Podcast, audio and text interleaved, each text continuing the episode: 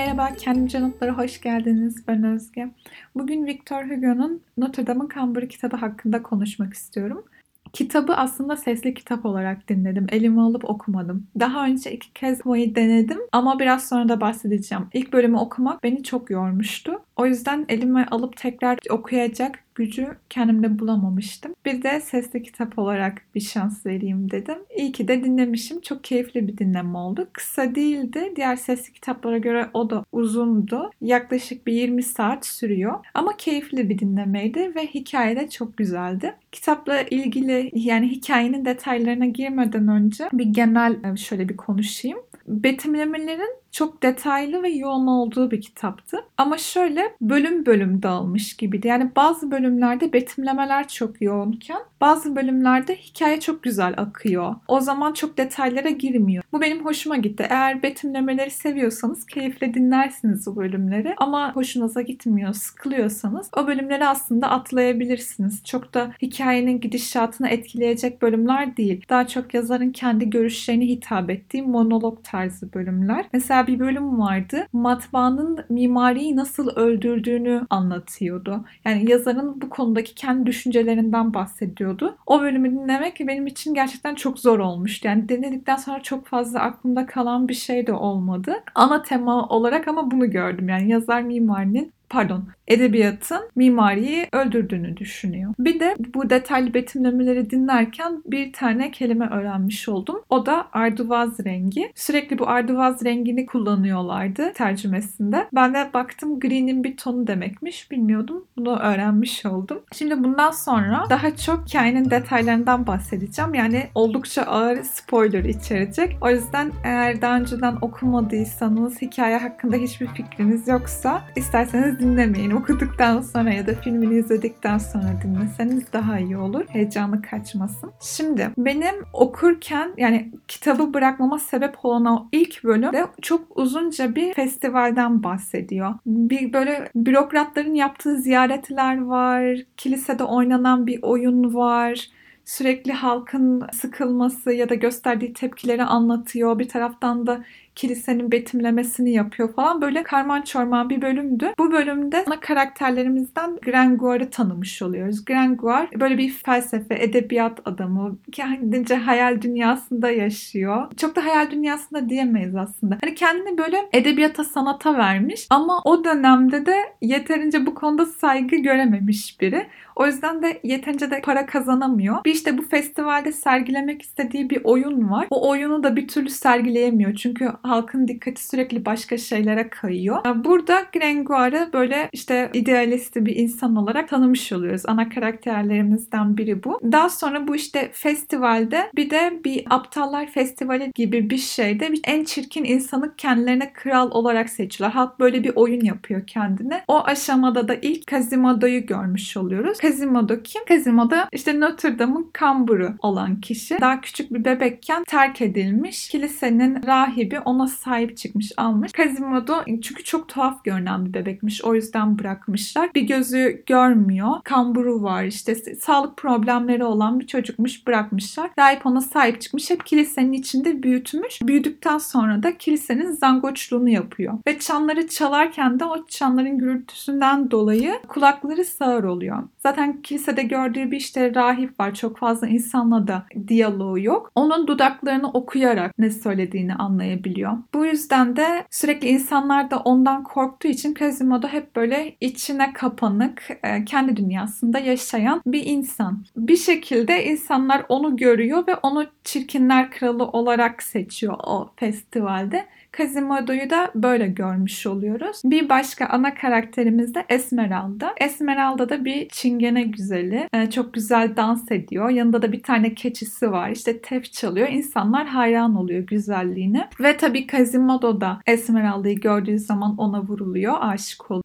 Şimdi yalnız Esmeralda'yı seven sadece Quasimodo değil. Aynı zamanda Quasimodo'yu zamanında kurtarmış olan Frollo da Esmeralda'ya çok ilgili. Ama bir taraftan da bu aşkı kendisi bile kabullenemiyor. Sürekli bu duygudan kurtulmaya çalışıyor. Bu kısma sonra geçeceğiz. Şimdi bu festival bölümünden sonra Gregoire böyle beş parası sokaklarda dolaşıyor. Dolaşırken de Esmeralda'yı görüyor ve onu takip etmeye başlıyor. Esmeralda yolda yürürken ama onu iki tane adam kaçırmaya çalışıyor. Yani bağırışıp çağrışıyorlar işte kurtarın beni diye. O sırada askerler geliyor ve Esmeralda'yı kurtarıyorlar. Burada da başka bir karakteri tanımış oluyoruz. Bu askerlerin başındaki komutan Febüs. Febüs de Esmeralda burada tanışmış oluyorlar. Esmeralda da Febüs'ü beğeniyor. Febüs de Esmeralda'yı beğeniyor ama yani öyle çok duygusal bir beğenme olarak değil de daha böyle bir çapkın vari bir e, beğenme diyelim. Neyse Sonra bu askerler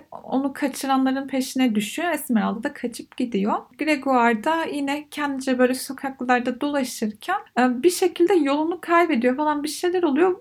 O böyle hırsızlar çetesinin içine düşüyor. Ve orada işte bizim bölgemize girdin falan deyip onu idam etmek istiyorlar. O da tabii çok korkuyor ama yapabileceği bir şey yok. Kaçamıyor da. Sonra tam onu idam edeceklerken bu çingenelerin işte bir yasası varmış. Eğer bir tane kadın onunla evlenmek isterse o zaman idamdan kurtulabiliyor. Soruyorlar işte evle almak isteyen var mı bu adamı diye. Kimse çıkmıyor. Herkes idam edelim diyor. Son anda Esmeralda çıkıyor ve işte tamam ben, ben onunla evleneceğim diyor.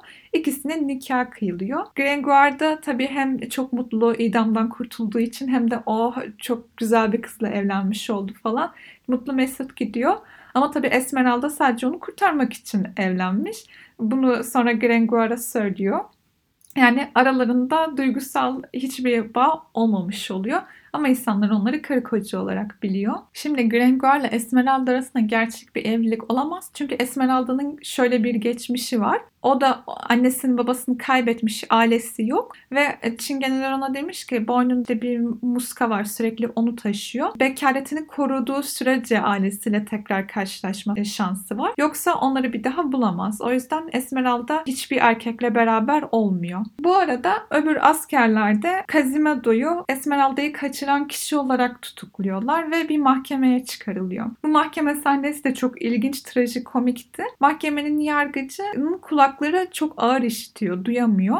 Ama bunu kimseye çaktırmıyor. Öyle olursa saygınlığını kaybedeceğini düşünüyor. O yüzden bunu kimseye belli etmek istemiyor hep böyle tahminen cevaplar veriyor. Quasimodo da o da zaten iyi duyamıyor. O yüzden çok tuhaf bir sahne gerçekleşiyor. Suçu kendini savunamıyor Quasimodo. Yargıç da o suçluymuş gibi bir ceza veriyor ve Quasimodo sonunda suçlu bulunuyor ve ceza alıyor. Bir meydanda cezalandırılacak ondan sonra da insanlara sergilenecek diye. Cezanın infaz edildiği gün tabii Quasimodo'nun çok canı yanıyor ve sonrasında böyle bir saat falan orada beklemesi gerekiyor. Orada insanlara su su diye yalvarıyor. Tabi insanlar sadece onu izleyip dalga geçiyorlar. Kimse ona yardım etmiyor. O sırada tekrar Esmeralda bir iyilik meleği gibi Quasimodo'nun karşısına çıkıyor ve ona birazcık su veriyor. Quasimodo bu iyiliği hiçbir zaman unutmuyor. Esmeralda bunu unutmuş olsa bile. Şimdi Febüs ile Esmeralda daha sonra tekrar karşılaşıyorlar. Ama Febüs aslında nişanlı biriyle. Esmeralda bunu bilmiyor ama Esmeralda da Febüs'ün onu sevdiğini zannedecek. Kendisi de Febüs'ü seviyor. Bir gün Febüs'ün nişanlısının evindeyken Esmeralda'yı şarkı söylerken, dans ederken görüyorlar. Onu çağırıyorlar. Febüs oradan tanıyor işte kurtardığı kişi oydu diye ve güzelliğinden oldukça da etkileniyor. Esmeralda'yı daha sonra tekrar görmek için uğraş veriyor ve daha sonra işte Esmeralda'yı bir akşam görüşmek üzere ikna ediyor. Esmeralda deli gibi aşık olmuş Febüs'e. Gözü hiçbir şey görmüyor. Kabul ediyor buluşmayı. Ve bir akşam buluşmaya gidecekler. Ama bu rahip Frollo Esmeralda'yı sürekli takip ediyor. Gözü sürekli üzerinde nerede ne yapıyor, kiminle görüşüyor diye. Esmeralda ama onu henüz tanımıyor. Rahip bu Febüs'le Esmeralda'nın buluşacağından haberdar oluyor. Onları takip ediyor. Daha doğrusu Febüs'ü takip ediyor. Febüs'le hatta böyle bir tartışma geçiyor aralarında. Neyse çok detaylara girmeyeyim de. Bir şekilde rahip Febüs'ün Esmeralda'yı getireceği otel odasına geçip saklanıyor bir dolabın içine. Febüs daha sonra Esmeralda'yı getiriyor. Esmeralda'ya sahip olmak istiyor istiyor. Onu ikna etmeye çalışıyor. Esmeralda tabii başta bir e, yemini olduğu için kendini bırakmak istemiyor. Ama Phoebus'un onu sevdiğine çok ikna oluyor. Kendisi de onu sevdiği için işte diyor ben fedakarlık ediyorum. E, tamam ailemi bulmayayım ne olacak sen varsın falan diyor. Neyse rahip ama tabii bu duruma dayanamıyor ve Phoebus'a arkadan saldırıyor. Phoebus kendinden geçiyor. Esmeralda da korkudan kendinden geçiyor. Rahip bu sırada ortadan kayboluyor. İnsanlar daha sonra odaya gelip işte ikisini gördüğü zaman sanki Esmeralda Phoebus'e saldırmış gibi düşünüyorlar ve Esmeralda'yı tutukluyorlar. Esmeralda Phoebus'un öldüğünü sanıyor. Oysa ki Phoebus ölmemiş. O daha sonra kendi hayatında devam ediyor. Esmeralda'yı bir daha hiç umursamıyor. Ama Esmeralda onun yüzünden çok acılar çekiyor sonrasında. Mahkemede işte suçunu itiraf etmesini istiyorlar. Başta etmiyor ama çok işkenceden geçiyor falan filan. Esmeralda'ya idam cezası veriliyor. Bu arada rahibi de görüyor daha sonra Esmeralda ve onun o odada olan kişi olduğunu fark ediyor ama kimseyi inandıramıyor zaten. Rahip de onu kurtarabileceğini söylüyor ama e, Esmeralda ona asla yüz vermiyor. Kabul etmiyor teklifini. Neyse bu şekilde idama doğru Esmeralda gidiyor. Tam idam edileceği sefer çıkarılacağı sırada Quasimodo gelip onu kurtarıyor ve kilisenin içine alıyor. Şimdi o dönemde şöyle bir durum varmış. Birisi o kilisenin içine gittiği girdiği zaman koruma altında oluyor. Kimse ona dokunamıyormuş. Yani sığınmış gibi oluyor. O yüzden Esmeralda artık kilisenin içinde yaşamaya başlıyor. Frollo tabii yine kendini kaybediyor ara ara işte. Zaten hani kurtulmaya çalışıyordu Esmeralda'nın aşkından. Ee, ona sahip olmaya çalıştı. Olmadı. Esmeralda reddetti. Hani öldürüp belki kurtulacağını düşünüyordu. O da olmadı. idam edilemedi. Ve artık dibinde Esmeralda. Quasimodo Esmeralda'yı kurtardığı için çok gururlu, çok mutlu. Daha sonra burada benim çok hoşuma giden diyalog geçiyor Esmeralda ile Quasimodo'nun arasında. Quasimodo onu neden kurtardığını açıklıyor Esmeralda'ya. Ona su verdiğini hatırlatıyor kendisi zor durumdayken ve diyor ki bir damla su ve biraz merhamet işte hayatımla bile ödeyemeyeceğimden daha fazlası. Ben burada çok etkilenmiştim Quasimodo'nun konuşmasından. Neyse Quasimodo Esmeralda'ya çok iyi davranıyor davranıyor. Onu koruyor. Ne isterse yapıyor. Esmeralda'ya bile bir tane küçük çan veriyor. Çanın sesini duyabiliyor. Bir şey istediği zaman onu çalsın istiyor. Rahip ama tabii huzursuz Esmeralda kilisenin içinde olduğu için. Hatta bir kere dayanamayıp Esmeralda'nın yanına gidip ona saldırıyor. O sırada işte Esmeralda çanı çalıyor. Quasimodo onu kurtarmaya çalışıyor. O sırada bir bakıyor ki ona saldıran, yani Esmeralda'ya saldıran kişi rahip. Bir anda bir korku geri çekiliyor Quasimodo. Çok saygı duyuyor çünkü rahibe. Esmeralda da şaşırıyor. Bilmiyordu çünkü o yani kendisine saldıran kişinin aslında bir rahip olduğunu. Ve daha sonra rahip bir şey yapmadan, bir şey söylemeden çekip gidiyor. Bir daha Esmeralda'nın yanına gelmiyor kuleye. Ama bir taraftan da onun artık kiliseden çıkması gerektiğini düşünüyor ve çeşitli planlar yapıyor. Gregor'la konuşuyor. Esmeralda'nın sözde kocası ile. Ve sen Esmeralda'ya bir hayat borçlusun. Seni o idamdan kurtarmıştı diyor Gregoire'a. Senin de ona yardım etmen lazım. İşte suçu sen üstlen diyor. Gregoire da kabul etmiyor. Öyle bir şey yapamam diyor. Ama bir orta yol buluyorlar. Hırsızlar çetesini organize edip bir isyan çıkarıp Esmeralda'yı kiliseden çıkaracaklar o şekilde. Tabi rahibin planı Esmeralda'yı alıp kaçıp gitmek. Bu şekilde Gregoire insanları organize ediyor ve bir isyan çıkarıyor Esmeralda'yı kurtarmak için ve kiliseye saldırmaya başlıyor bu insanlar. Quasimodo tabi olayların farkına varamıyor. O da o insanlar Esmeralda'ya zarar verecekler sanıyor. Yani direnişe geçiyor onlara karşı. O arada rahiple Grengoire Esmeralda'yı çoktan kiliseden zaten çıkarmış oluyorlar. Bir tekneye binip gidiyorlar. Esmeralda tabi rahibi görmüyor. Rahibin yüzü kapalı başka bir yüzünü örtecek bir kıyafet giymiş. Grengoire'a güvenerek gidiyor kiliseden. Quasimodo'nun haberi yok Esmeralda'nın gittiğinden. O hala isyana karşı direniyor. Burada bir parantez açmak istiyorum. Başka bir konudan bahsetmiş olacağım. Kitapta bir de bir başka karakter daha var Gudul diye. Bu bir kadın böyle inzivaya çekilmiş böyle küçük bir odada İnsanlar ona bazen işte yemek bırakıyorlar. Sadece bir tane camı var e, parmaklıklı. İnsanlar oraya yemek su bırakıyor. E, kadın böyle karanlık bir odada inzivaya çekilmiş acısını yaşıyor. Şimdi onun geçmişinde şöyle bir hikaye var. Bu kadın zamanda bir hayat kadınıymış ve bir müddet sonra bir bebeği olmuş. Bebeğini çok çok seviyor ama ve çok güzel bir bebek. O çok güzel giydiriyor. Bütün varlığını bebeği için e, sarf ediyor. Ama bir gün e, çingeneler onun bebeğini çalıp e, yerine başka bir bebek bırakıyorlar. O bıraktıkları bebekte böyle çok daha farklı görünen işte bir gözü görmeyen tuhaf bir bebek. Çok korkuyor tabii. Öbür bebeğinden de geriye sadece pembe bir sevimli bir patik kalmış. Tabii Gudul ondan sonra kafayı yiyor. Bebeği bir kilisenin önüne bırakıyorlar. Sadece pembe bir patik kalmış. Bu Gudul'ün bebeğinin yerine bıraktıkları o bebek çok çirkinmiş. O yüzden insanlar ondan korkuyorlar. Şeytanın olduğunu düşünüyorlar. Onu o yüzden dışarıda bir meydana bırakıyorlar. İşte öğreniyoruz ki o bırakılan bebek aslında Quasimodo ve bu işte çingenelerin kaçırdığı bebek de Esmeralda. Gudul ama e, tabi bunları bilmediği için o işte çingenelerin bebeğini kaçırdığını düşünüyor ve hep çingenelere lanet okuyor. Hatta Esmeralda dışarıda böyle dans ettiği zaman da hep Esmeralda'ya lanet okuyor bebeğimi çaldınız diye. Bu parantezi şimdi kapatayım ve devam edelim. Rahip ve Grengoire'ın organize ettiği bu isyan gittikçe büyüyor ve e, kralın kulağına kadar gidiyor böyle bir isyan olduğu. Ve olaylar farklı evriliyor. Halk krala karşı ayaklanmış gibi kulağına götürülüyor kralın. Kral da direnişlere karşı asker gönderip Esmeralda'nın idam edilmesini söylüyor. Hatta diyor kilisenin koruyucu e, yetkisini bu seferlik bu durum için e, iptal edelim, yok sayalım diyor. Askerler de bu yüzden de Esmeralda yani büyücü kız diyorlar. Büyücü kızı arıyorlar. Bu arada Grengoire, Esmeralda ve rahip bir tekneyle şehrin başka bir kısmına gidiyorlar. Orada Grengoire, Esmeralda'nın tabii keçisi de yanındaydı. Söylemeyi unuttum.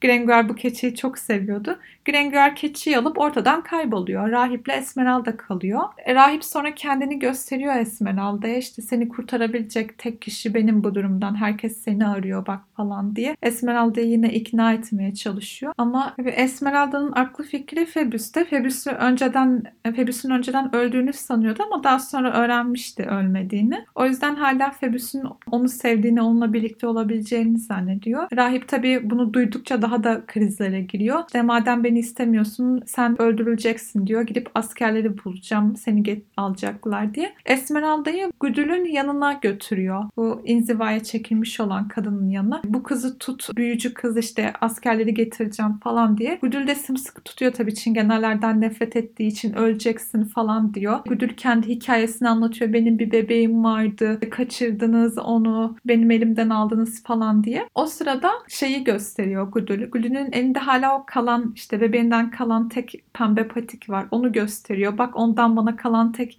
şey bu diye. Sonra Esmeralda onu görünce kendi muskasını açıyor ve kendi muskasındaki pembe patiği çıkarıp gösteriyor. Bu şekilde Gudül anlamış oluyor Esmeralda'nın aslında kendi kızı olduğunu ve bu sefer Esmeralda'yı kurtarmaya çalışıyor. Onu böyle çok şiddetli bir şekilde çekip kendi kaldığı odaya alıyor ve saklamaya başlıyor. Askerler o sırada gelip Gudül'e soruyor. Burada çingene kızı vardı nerede diye. O da kaçtı gitti diyor. Askerler aramaya devam ediyor. Kadın da sorguluyorlar tabii Güdül'ü daha fazla detaylı bilgi almaya çalışıyorlar. Kadın bin bir takla atarak askerleri ikna etmeye çalışıyor. Tam da hani ikna olmuş gibilerken Febüs bir de o askerlerle beraber bir bir ara bir geliyor. Esmeralda onun sesini duyduğu an öne atılıyor. Febüsüm Febüsüm diye. Askerler dolayısıyla onu görmüş oluyorlar.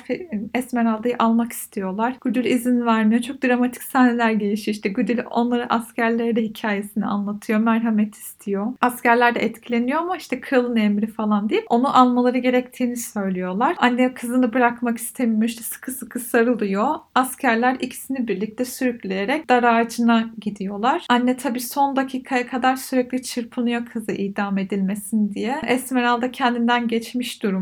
Anne celladın elini falan ısırıyor kurtarmaya çalışırken. Öyle olunca da askerler onu hızla itiyor ve Gudül kafasını çarpıp ölüyor. Esmeralda da idam ediliyor. Quasimodo tabi bu arada isyancılarla uğraşıyordu. Ve bir taraftan da kulede Esmeralda'yı arıyordu. Bir türlü bulamıyordu. Sonra kilisede rahibi görüyor. Ona kızın nerede olduğunu soruyor ama rahip böyle transta gibi gözü bir noktaya odaklı. Quasimodo nereye baktığına bakınca Esmeralda'nın idam sehpasında olduğunu görüyor. Onun idam edilişini izliyor acı içinde. Ve o sırada rahibe tekrar dönüp baktığında rahibin güldüğünü görüyor. Quasimodo daha hani olayları anlamış oluyor ve sinirlenip rahibi korkuluktan itiyor.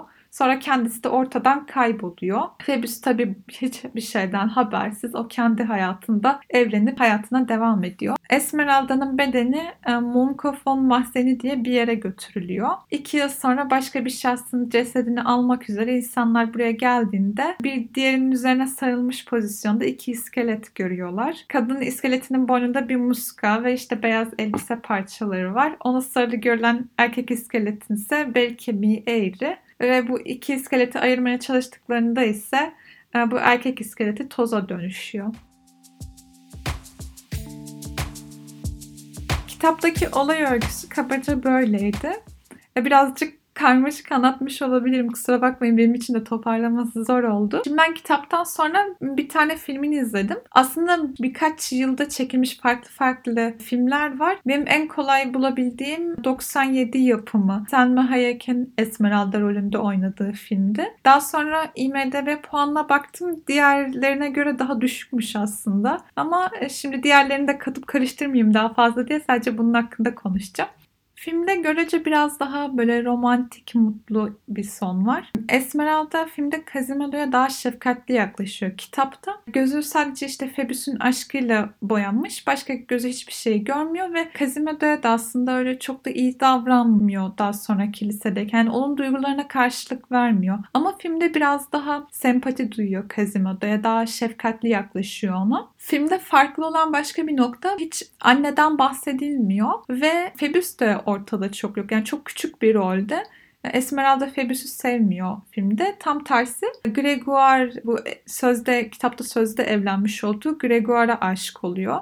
Ve daha sonra tabi bu Phoebus aşkı olmadığı için Esmeralda'nın idam cezası aldığı suç da daha farklı oluyor. Phoebus'u yaralama suçu değil. Neyse Film sonunda Esmeralda idam edilmiyor. Quasimodo çünkü rahibi tehdit ederek suçunu itiraf etmesini sağlıyor. Sonra hatta tartışırlarken Quasimodo ile rahip ikisi ve balkondan yuvarlanıyor. Rahip düşüyor. Quasimodo da tam düşecekken Esmeralda ile Gringoire onu kurtarıyor ve daha sonra ikisi onun yanındayken böyle çanları çalarak daha romantik bir yani Quasimodo tabii yar, yaralanıyor Ondan sonra ölüyor ama daha çan seslerinin eşliğinde daha romantik bir ölüm olmuş oluyor. Filmdeki hikaye de güzel. Şimdi kitaptaki daha hüzünlü bir sondu. Filmdeki de hüzünlüydü ama birazcık daha işte en azından herkes zarar görmedi ve kurtulan biri var diye düşünüyor insan. Ama kitabı daha çok beğendim. Evet kitabın hikayesi çok daha güzel işlenmişti. Filme göre daha fazla tabii detay vardı. Olay örgüsü çok hoş kurgulanmıştı. O çok hoşuma gitti. Yani gerçekten neden klasik olduğunu insan anlayabiliyor. Bir başka not, yani kitapla ilgili değil artık da yazarla ilgili.